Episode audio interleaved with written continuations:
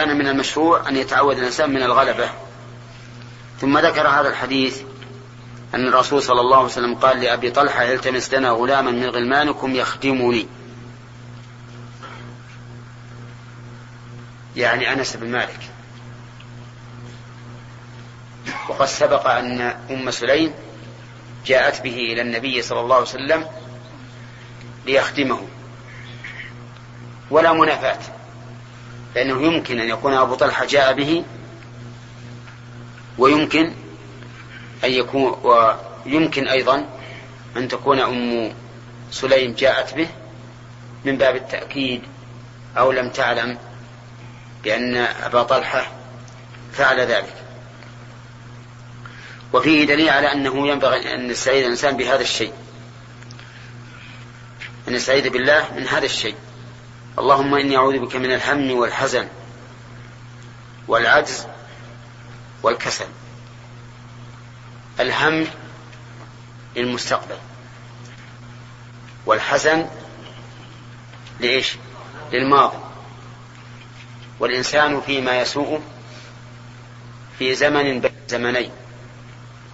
إما زمن لاحق وإما زمن سابق. فالذي يسوءه في الزمن السابق يحدث له حزنا. والذي يسوءه في الزمن المستقبل ويخاف منه يحدث له هما. فجمع النبي عليه الصلاة والسلام بين الأمرين. وأما العجز والكسل فالعجز هو هو عدم القدرة والكسل عدم العزيمة. والإنسان لا يفعل الشيء إلا بأمرين. بعزيمة صادقة وقدرة كاملة. فإن لم يكن لديه عزيمة لم يفعل وإن كان عنده عزيمة ولكن ولكنه عاجز لم يفعل. فجمع النبي صلى الله عليه وسلم بينهما. طيب العجز يا صامت. ما هو العجز؟ نعم. والكسل؟ عدم العزيمة. وآدم ماذا يقول؟ ما تقول مثله أو, أو تخالفه؟ تقول مثله طيب. ثم قال والبخل والجبن. البخل شح بالنفس والبخل شح بالمال الجبن شح بالنفس. لا يقدم الإنسان. على الجهاد مثلا لأن نفسه عنده غالية. والبخل شح بماذا؟ بالمال. شح بالمال. لا يبذل الإنسان شيئا من ماله يخشى أن أن ينقص ماله. وقوله وضلع الدين وغلبة الرجال. ضلع الدين يعني غلبة الدين بكثرته حتى يصيب الإنسان على وجه قوي. وغلبة الرجال هذا الشاهد من الحديث. وفي هذا دليل على أنه ينبغي الحذر من الدين. ينبغي الحذر من الدين. لأن الدين في الحقيقة رق رق الحر وذل العزيز. فأنت احرص بقدر ما تستطيع على تجنب الدين. ولهذا لم يرشد الرسول صلى الله عليه وسلم إليه الرجل الذي طلب منه أن يزوجه. لما قال ماذا تصدقها؟ قال إزاري. قال إزارك ما يمكن. إن أصدقتها الإزار بقيت بلا إزار. وإن وإن لم تأخذه يعني وبقي عليك فلا فائدة لها منه. ثم طلب منه أن يلتمس ولو خاتما من حديد فلم يجد. ثم قال زوجتك بما معك من القرآن. ولا أرشده إلى أن يقترض أو يستدين لأن لأن القرض أو الدين ذل ذل من؟ ها؟ ذل للعزيز وأسر للحر الطليق. وإنك لتعجب من بعض الناس يستدين الديون الكثيرة من أجل أن يستزيد من المال. يعني يستدين ديون كثيرة علشان يتكسب بها. أحيانا تكون النتيجة عكسية.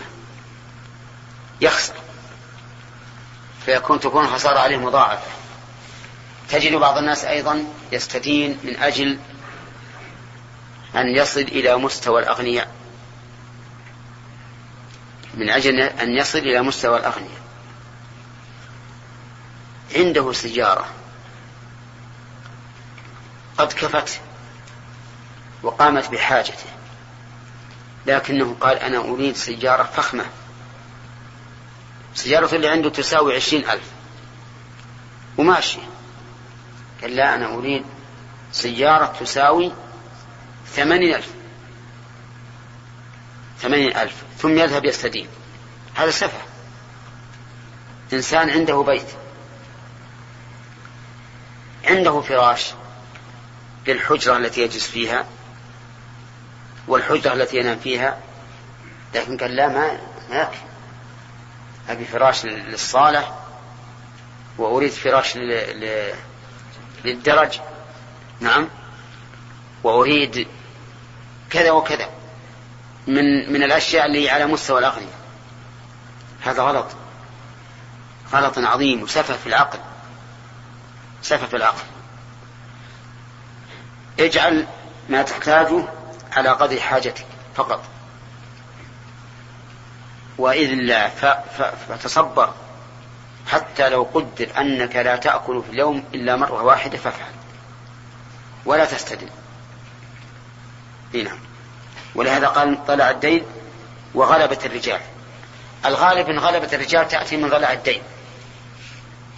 لأنه إذا استدان وحل الأجر ضيقوا عليه الرجال. ضيقوا عليه وغلبوه. ولهذا جمع النبي صلى الله عليه وسلم بينهما يقول وفي وفي هذا الحديث أيضا دليل على مراعاة النبي صلى الله عليه وسلم لأهله وقيامه بشؤونهم.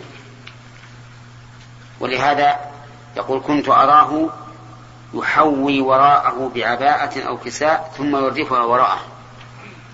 يعني يجعل كساء أو عباءة حاوية المرأة يحجبها من الناس وأردفها خلفه صلى الله عليه وسلم.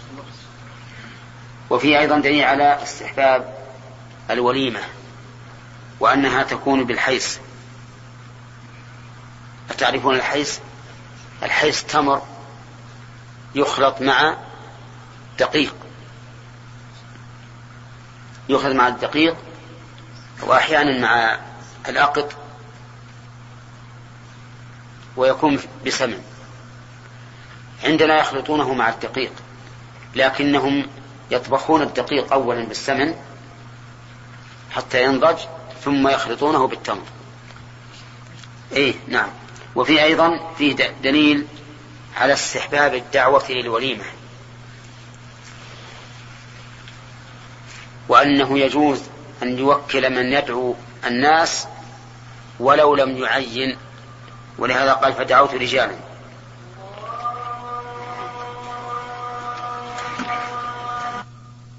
وعلى رسول الله قال رحمه الله تعالى باب التعوذ من عذاب القبر. حدثنا الحميدي قال حدثنا سفيان قال حدثنا موسى بن عقبة قال سمعت أم خالد بنت خالد قال ولم أسمع أحدا سمع من النبي صلى الله عليه وسلم غيرها. قالت سمعت النبي صلى الله عليه وسلم يتعوذ من عذاب القبر. وحدثنا آدم قال حدثنا شعبة قال حدثنا عبد الملك عن مصعب قال كان سعد يأمر بخمس ويذكرهن ويذكرهن عن النبي صلى الله عليه وسلم أنه كان أنه كان يأمر بهن. اللهم إني أعوذ بك من البخل وأعوذ بك من الجبن وأعوذ بك أن أرد إلى أرض العمر وأعوذ بك من فتنة الدنيا يعني فتنة الدجال وأعوذ بك من عذاب القبر. حدثنا عثمان بن أبي شيبة قال حدثنا جرير عن منصور عن أبي وائل عن مسروق عن مسروق عن عائشة رضي الله عنها قالت دخلت علي عجوزان من عجوز يهود المدينة فقالتا لي إن أهل القبور يعذبون في قبورهم فكذبتهما ولم انعم ولم أنعم أن ولم أنعم أن أصدقهما. فخرجتا ودخل علي النبي صلى الله عليه وسلم. فقلت يا رسول الله إن عجوزين وذكرت له. فقال صدقتا إنهم يعذبون عذابا تسمعه البهائم تسمعه البهائم كلها. فما رأيته بعد في صلاة إلا يتعوذ من عذاب القبر. بسم الله الرحمن الرحيم. سبق لنا في حديث أنس بن مالك أن النبي صلى الله عليه وسلم لما أقبل على المدينة فبدا له أحد قال هذا جبل يحبنا ونحبه ففيه دليل على إثبات المحبة من الجماد. وهذه المحبة محبة حقيقية يعني أن هذا الجبل يحب النبي صلى الله عليه وسلم محبة حقيقية. لكنها ليست كمحبة البشر للبشر لأن المحبة إذا أضيفت إلى شيء اختصت به. وفيه دليل على أن قوله تعالى جدارا يريد أن ينقض أن هذه إرادة حقيقية أيضا وليست مجازا كما يدعيه أهل المجاز بل هي إرادة حقيقية لكن إرادة كل شيء بحسبه. وإنما كنا نحبه لما حصل فيه من البلاء والتمحيص على أصحاب النبي صلى الله عليه وسلم.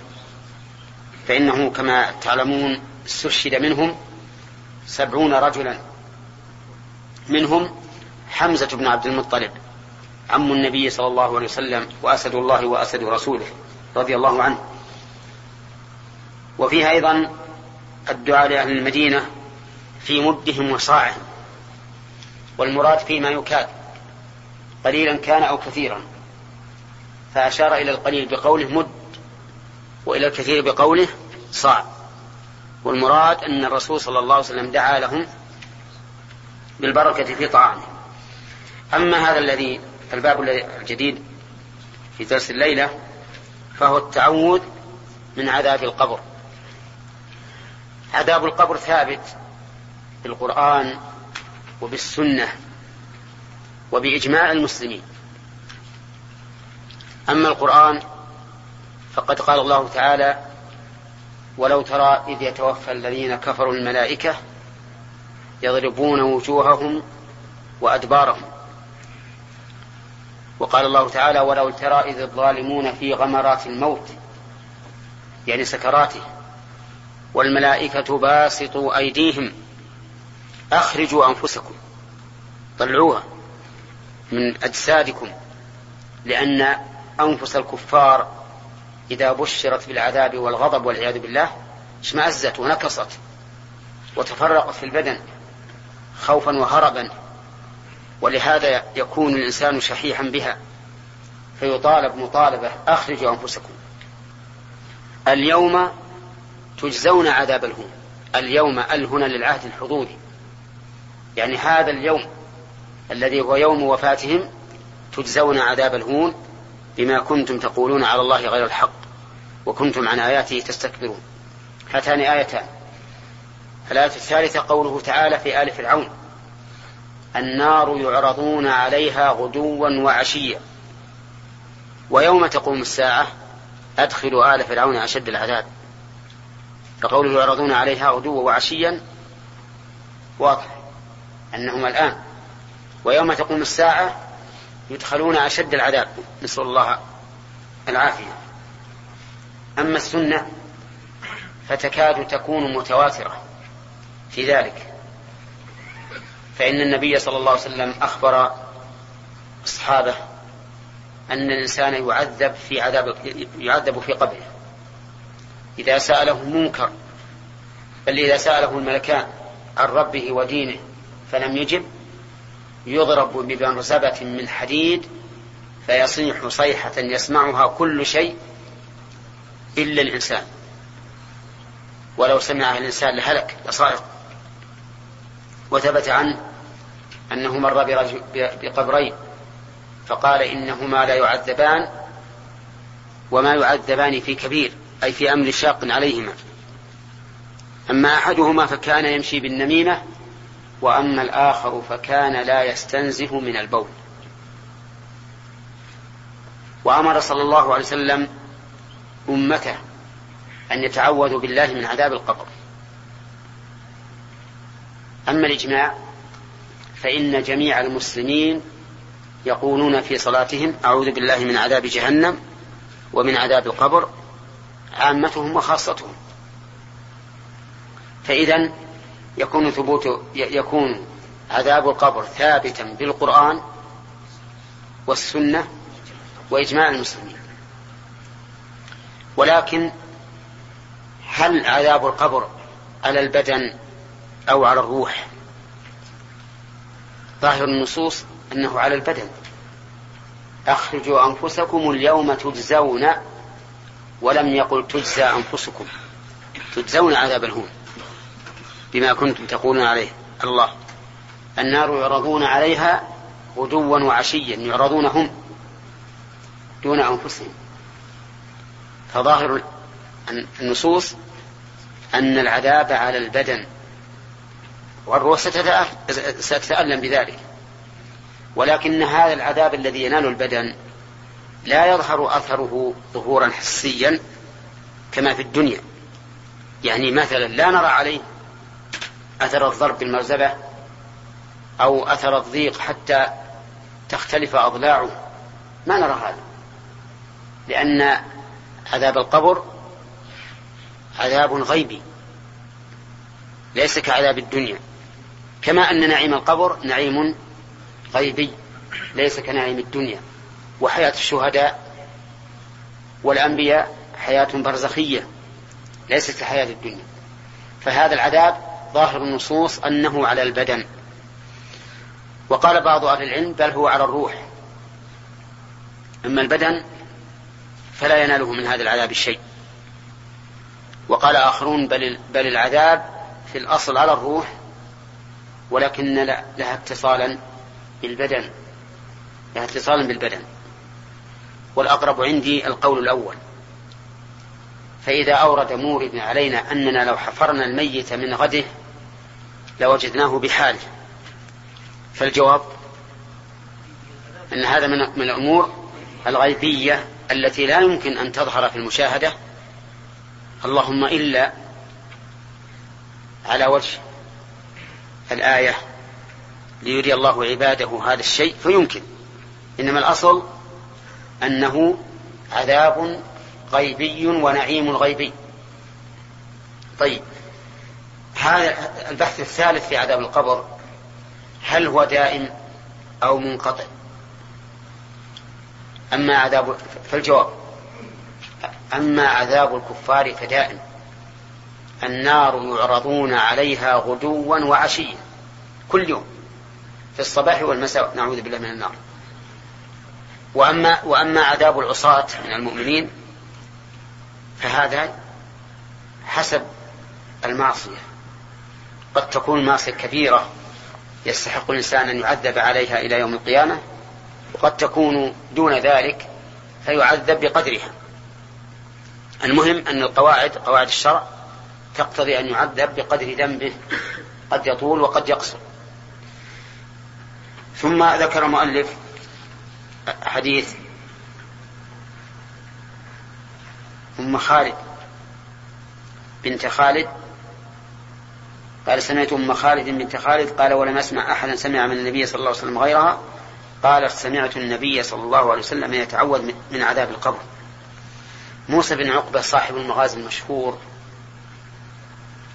قال هذه الكلمة جزاه الله خيرا من أجل أن يبين أن كل حديث يسنده غير هذا الحديث إلى الرسول صلى الله عليه وسلم فإنه يعتبر مرسلا يعتبر مرسلا لأنه هو صرح لأنه ما سمع من أحد سمع من النبي صلى الله عليه وسلم إلا من هذه المرأة. قال سمعت النبي صلى الله عليه وسلم يتعوذ من عذاب القبر وهو النبي صلى الله عليه وسلم. يتعوذ من عذاب القبر فما بالك بمن سواه؟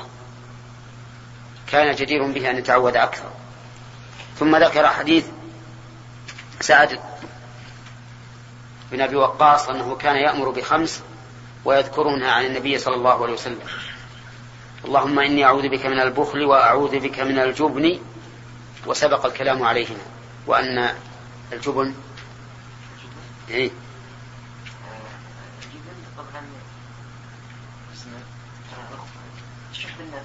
طيب. والبخل؟ نعم. وأعوذ بك أن أرد إلى أرض العمر. أرض العمر أنقصه أرض العمر يعني أنقصه وأردأه. وهذا يشمل أن يبلغ الإنسان مبلغا في الكبر يزول منه تمييزه. أو أن يصاب بمرض يزول منه تمييزه. فأرض العمر يشمل هذا وهذا.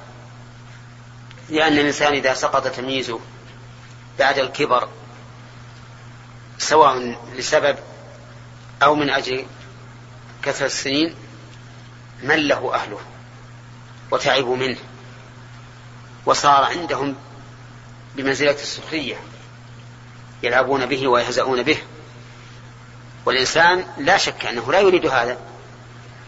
لو خير الإنسان بين أن يموت أو أن يكون ألعوبة بين الصبيان في بيته يختار أن يموت.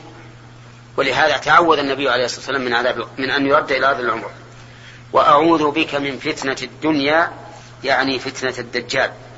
وأعوذ بك من عذاب القبر هذا هو الشاهد. شي من فسر يعني قسطلاني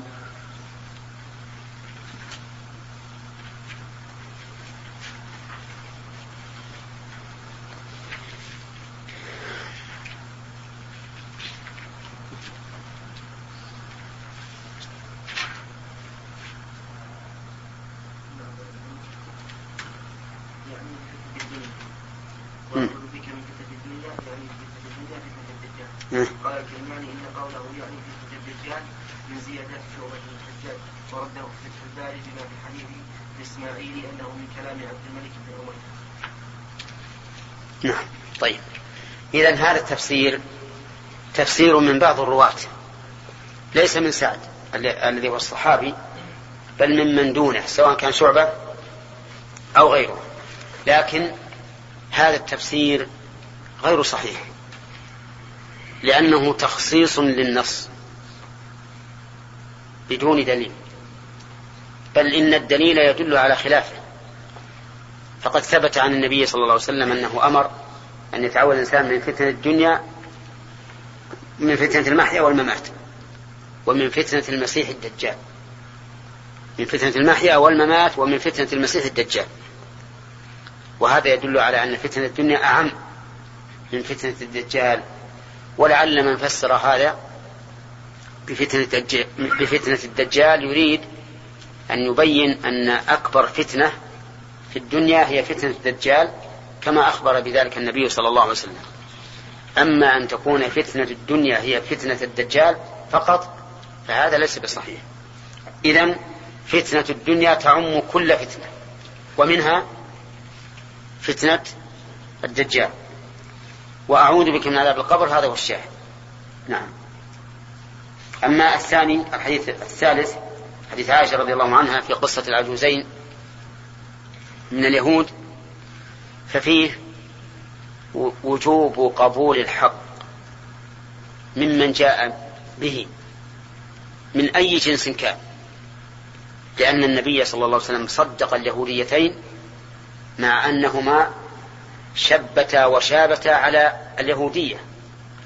لكن لما جاء بالحق أو لما جاءت بالحق صدقهما النبي صلى الله عليه وسلم. قال صدقتا ولنا في رسول الله أسوة حسنة وهو أن الإنسان إذا جاء بالحق أيا كان نوعه حتى لو كان من الفسقة أو من الفجرة أو من الكفار وجب علينا قبوله لا لأنه جاء به ولكن لأنه حق. وكذلك بالعكس لو جاءنا باطل من شخص ولو كان من أصدق الناس وجب علينا رده وجب علينا رده. ولهذا قال النبي عليه الصلاة والسلام لما أخبرته سبيعة الإسلامية أن أبا السنابل قال لها إنك لن تنكحي حتى تمر بك أربعة أشهر وعشر. فلما أخبرت النبي صلى الله عليه وسلم بذلك ماذا قال؟ ها؟ قال كذب أبو السنابل. كذب فكذبه. وكذلك لما قالوا في عامر بن أكوى رضي الله عنه الذي عاد سهمه سيفه عليه. فمات قالوا بطل أجر عامل قال كذبوا. ما بطل أجر عامل بل له الأجر مرتين. أقول إنه يجب علينا أن نقبل الحق من أي من, من, من أي من جاء به. بل إن الرسول صلى الله عليه وسلم قبل الحق من قائد كفار بني آدم وهو الشيطان. لما قال لأبي هريرة ألا أدلك على آية من كتاب الله؟ إذا قرأتها لم يزل عليك من الله حافظ ولا يقربك شيطان حتى تصبح آية الكرسي. قال النبي صلى الله عليه وسلم له لأبي هريرة صدقك. معنى صدقك؟ أي أخبرك بالصدق؟ صدقك وهو كذوب وهو الشيطان. أما استئناف بعض الناس أو استنكاف بعض أما استنكاف بعض الناس من الحق إذا جاء به شخص فاسق أو ما أشبه ذلك فهذا خطأ عظيم. وأخطأ منه وأشد إذا جاء به شخص آخر عدل لكنه عنده علم وذاك يريد أن لا يكون هو الذي عثر على هذا الحكم. فتجده يرده لأنه جاء به. ولو أنه هو الذي جاء بهذا لرأى ذلك مفخرة له. فالحاصل أن الحق يجب أن يقبل من أي إنسان جاء من أي أحد جاء به. نعم. نعم.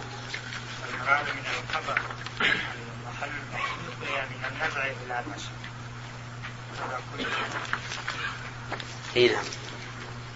القبر يقول هل المراد المكان المخصوص الذي يدفن فيه الميت. أو ما هو أعم من ذلك.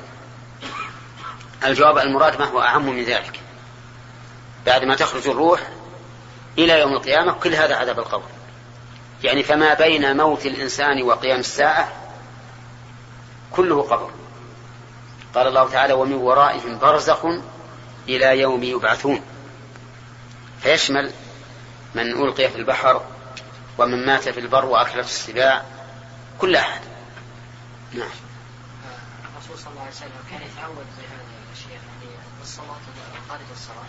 نعم. لأن زيادة. ها؟ زيادة فقد واجب على الحديث الآخر بجهنم. إي نعم. الرسول يتعود بهذا في الصلاة وخارج الصلاة. يعني هذه يعني خارج حتى هذه في الصلاة تقولها نعم. شاكر.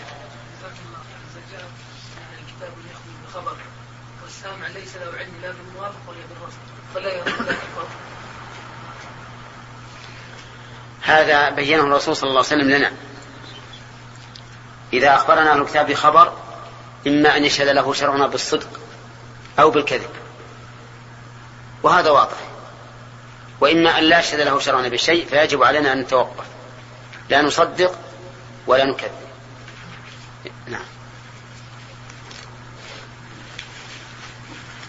باب التعوذ من فتنة المحيا والممات.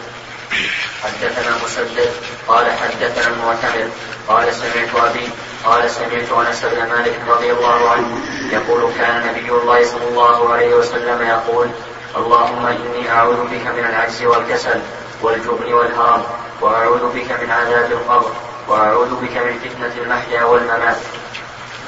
باب التعوذ من المأثم والمغام حدثنا معلق بن اسد قال حدثنا وهيب عن هشام بن عروة عن أبيه عن عائشة رضي الله عنها أن النبي صلى الله عليه وسلم كان يقول اللهم إني أعوذ بك من الكسل والهرم والمأثم والمغرم ومن فتنة القبر وعذاب القبر ومن فتنة النار وعذاب النار ومن شر فتنة ومن شر فتنة الغنى وأعوذ بك من فتنة وأعوذ بك من فتنة الفقر. وأعوذ بك من فتنة المسيح الدجال. اللهم اغسل عني خطاياي بماء الثلج والبرد ونق قلبي من الخطايا كما نقيت الثوب الأبيض من الدنس وباعد بيني وبين خطاياي كما كما باعدت بين المشرق والمغرب. هذا الحديث فيه ألفاظ مرت علينا كسل مر علينا الهرم مر علينا. المأثم أي الإثم. المغرم أي الغرم وهذا يشبه غلبة الدين. ومن فتنة القبر فتنة القبر هي سؤال الميت عن ربه ودينه ونبيه. وهي أي هذه الفتنة اختبار. يختبر, يختبر بها الإنسان. إذا دفن وتولى عنه أصحابه أتاه ملكان فيسألانه. من ربك وما دينك ومن نبيك. فيثبت الله الذين آمنوا بالقول الثابت نسأل الله أن يجعلني وإياكم منهم ويضل الله الظالمين. يقول عذاب القبر مر فتنة النار يعني الفتنة التي تكون سببا لدخول النار وهي فتنة الإنسان بالشهوات أو أو بالشبهات. عذاب النار واضح أن يعذب الإنسان في نار جهنم من شر فتنة الغنى وأعوذ بك من فتنة الفقر. الغنى فتنة والفقر فتنة. فيستعيذ الإنسان بالله من فتن من شر فتنة الغنى ومن فتنة الفقر. الغنى قد يحمل الإنسان على الأشر والبطر والكبرياء والخيلاء والغرور والإعراض عن الآخرة. ولهذا قال النبي صلى الله عليه وسلم والله ما الفقر أخشى عليكم وإنما أخشى أن تفتح عليكم الدنيا فتنافسوها. كما تنافسها من قبلكم فتهلككم كما أهلكتهم. وصدق نبي الله صلى الله عليه وسلم. الذي أفسد هذه الأمة هي هو المال وكثرة المال. ففتنة بني إسرائيل في النساء وفتنة هذه الأمة في المال أفسد الناس. وصار الناس كأنما خلقوا له. مع أن المال خلق لهم. لكن هم استغنى آه، غفلوا أو اشتغلوا بما خلقوا له. أو بما خلق لهم. اشتغلوا بما خلق لهم عما خلقوا له. وهو عبادة الله. كذلك الفقر فتنة. له فتنة عظيمة. يصد الإنسان عن عبادة الله. لأن الإنسان إذا جاء يطلب ما يشبع بطنه. وربما يعتدي على الناس بالنهب والسرقة. وربما يكذب ويغش. وربما يبيع عرضه والعياذ بالله. فإن المرأة إذا اضطرت ربما تبيع عرضها. ولا يبعد عن ذلكم قصة أحد الرجال الثلاثة الذين انطبق عليهم الغار. وتوسلوا إلى الله بصالح الأعمال. أحدهم بماذا توسل؟ توسل بالعفاف التام. كان له بنت عم يحبها حب حبا شديدا. فألمت بها سنة من السنين واحتاجت إليه فجاءت تطلب منه المساعدة فأبى إلا أن تمكنه من نفسه فأبت أبت فاضطرت ذات يوم فجاءت إليه وطلبت منه المساعدة وأبى إلا أن تمكنه من نفسه فمن أجل الضرورة مكنته من نفسها.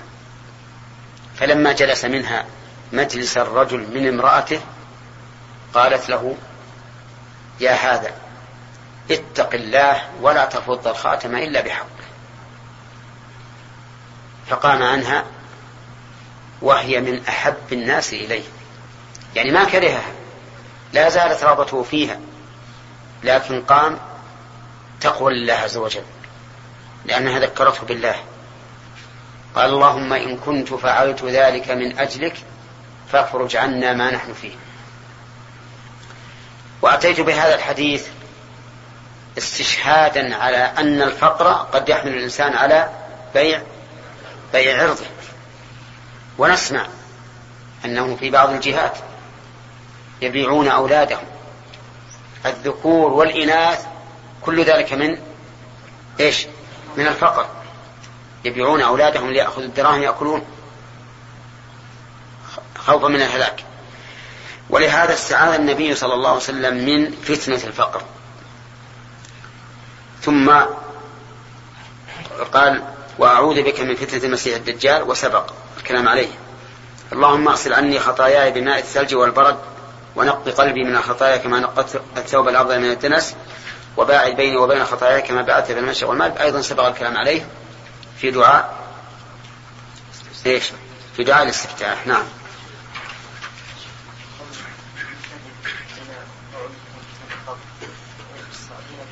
نعم.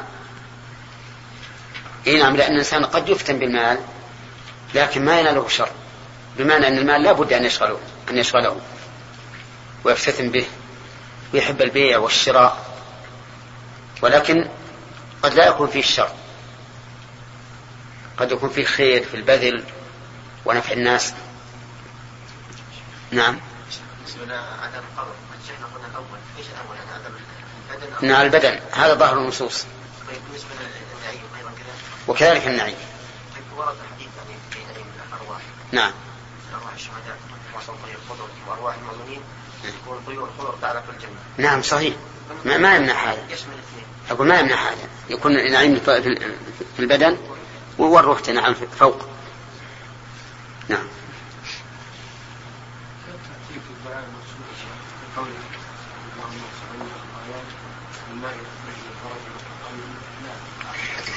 والله. عكس هذا. عكس هذا. الله إني والله أعلم إن هذا من تصرف الرواة فيما فيما يبدو.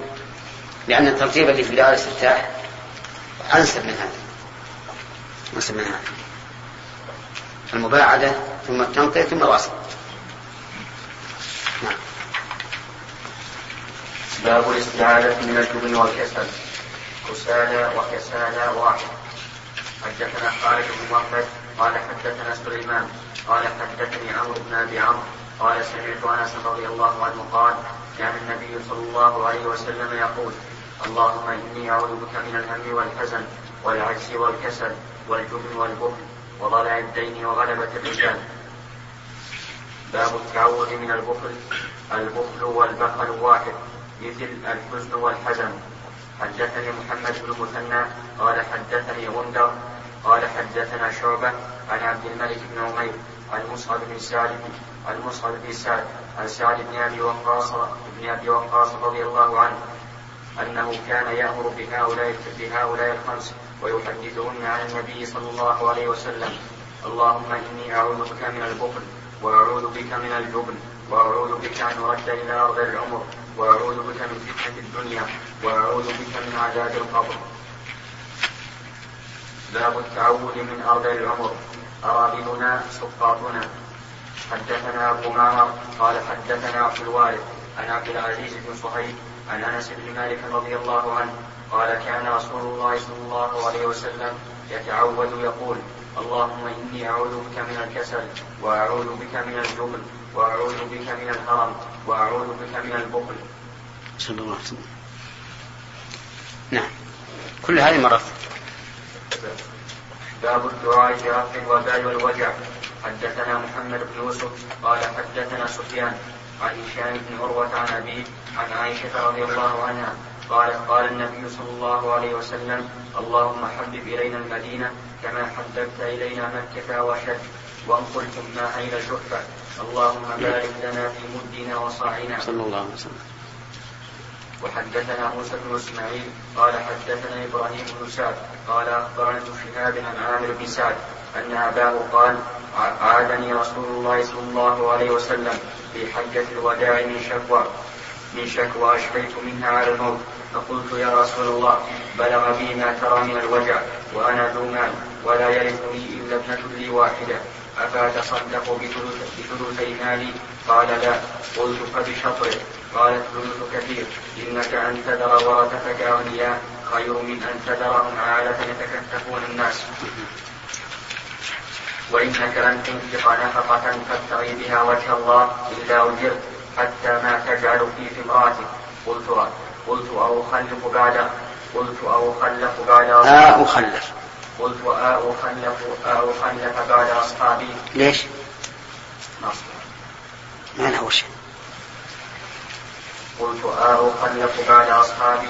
قال إنك لن تخلف قال إنك لن تخلف فتعمل عملا تبتغي تبتغي به وجه الله إلا ازددت درجة ورفعة ولعلك تخلف حتى ينتفع بك أقوام ويضر بك آخرون. ضر. ويضر بك آخرون. اللهم أمضي لأصحاب هجرتهم ولا تردهم على أعقابهم. لكن البائس سعد بن خولة قال سعد قتله النبي صلى الله عليه وسلم من أن توفي بمكة. اللهم صل وسلم عليه هذا أيضا الدعاء برفع الوباء والوجع. وهذا يشمل رفعه عن المكان ورفعه عن المصاب. أما رفعه عن المكان فكما دعا النبي صلى الله عليه وسلم ربه عز وجل أن ينقل حم المدينة إلى الجحفة فإن هذا رفع فإن هذا دعاء برفع الوباء عن المكان عامة. أما الرفع عن المصاب فمثل قول الرسول عليه الصلاة والسلام في حديث سعد اللهم أمضي لأصحاب هجرتهم. فإن هذا الدعاء يتضمن أن يشفي الله سعدا حتى لا يموت في مكة. ومثلها الدعاء دعاء المريض اللهم اشفه اللهم عافه وما أشبه ذلك فهذا دعاء برفع الوباء عن عن المصاب. لا عن المكان كله. في الحديث الأول قال اللهم حبب إلينا المدينة كما حببت إلينا مكة وأشد.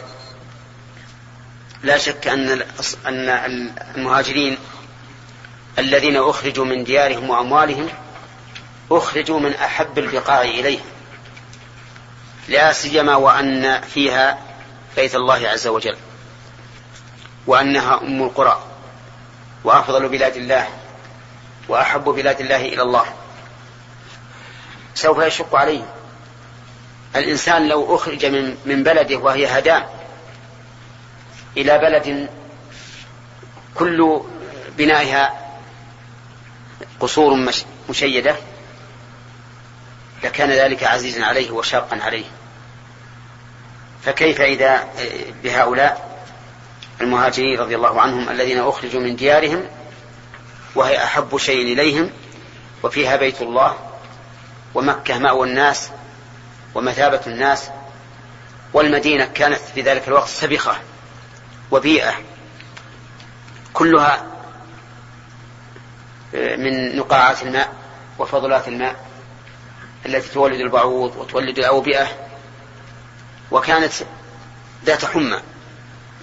فدعا الله عز وجل فدعا النبي صلى الله عليه وسلم ربه عز وجل أن ينقل حماها إلى الجحفة التي هي ميقات أهل الشام. وإنما دعا الله أن ينقله إلى الجحفة لأن الجحفة في ذلك الوقت كانت بلاد كفر. بلاد كفر. وإذا نقلت الحمى إلى إليهم فهذا عون للمسلمين على القضاء على الكفر. وفي هذا الحديث دليل على أن الإنسان قد يحب الأماكن. قد يحب الأماكن. لقولك كما أحبب إلينا المدينة كما حببت إلينا مكة أو أشد. وفيه أيضا أن الحب يختلف قوة وضعفا وشدة وخفة. أما حديث سعد ففيه, ففيه مسائل. أولا فيه دليل أن دليل على جواز الإخبار عما بلغ الإنسان من المرض. لقوله يا رسول الله بلغ بي ما ترى من الوجع. ولم ينكر عليه النبي صلى الله عليه وسلم. والإخبار بما أصاب الإنسان من المرض ينقسم إلى أقسام في الواقع. القسم الأول أن يقول ذلك على سبيل التوجع والتشكي. فهذا ينافي الصبر. ينافي الصبر. لأن الصبر الجميل صبر بلا شكوى. وأنت إذا, شوك إذا شكوت إلى ابن آدم فإنه من سفهك. كما قال الشاعر وإذا شكوت إلى ابن آدم إنما تشكو الرحيم إلى الذي لا يرحم. إذا أردت أن تشكو فاشكو إلى من؟ إلى الله الذي يرحمك. أما أن تشكو إلى الخلق فإن الخلق إما أن يرحموك وإما أن يشمتوا بك. وتارة يكون المراد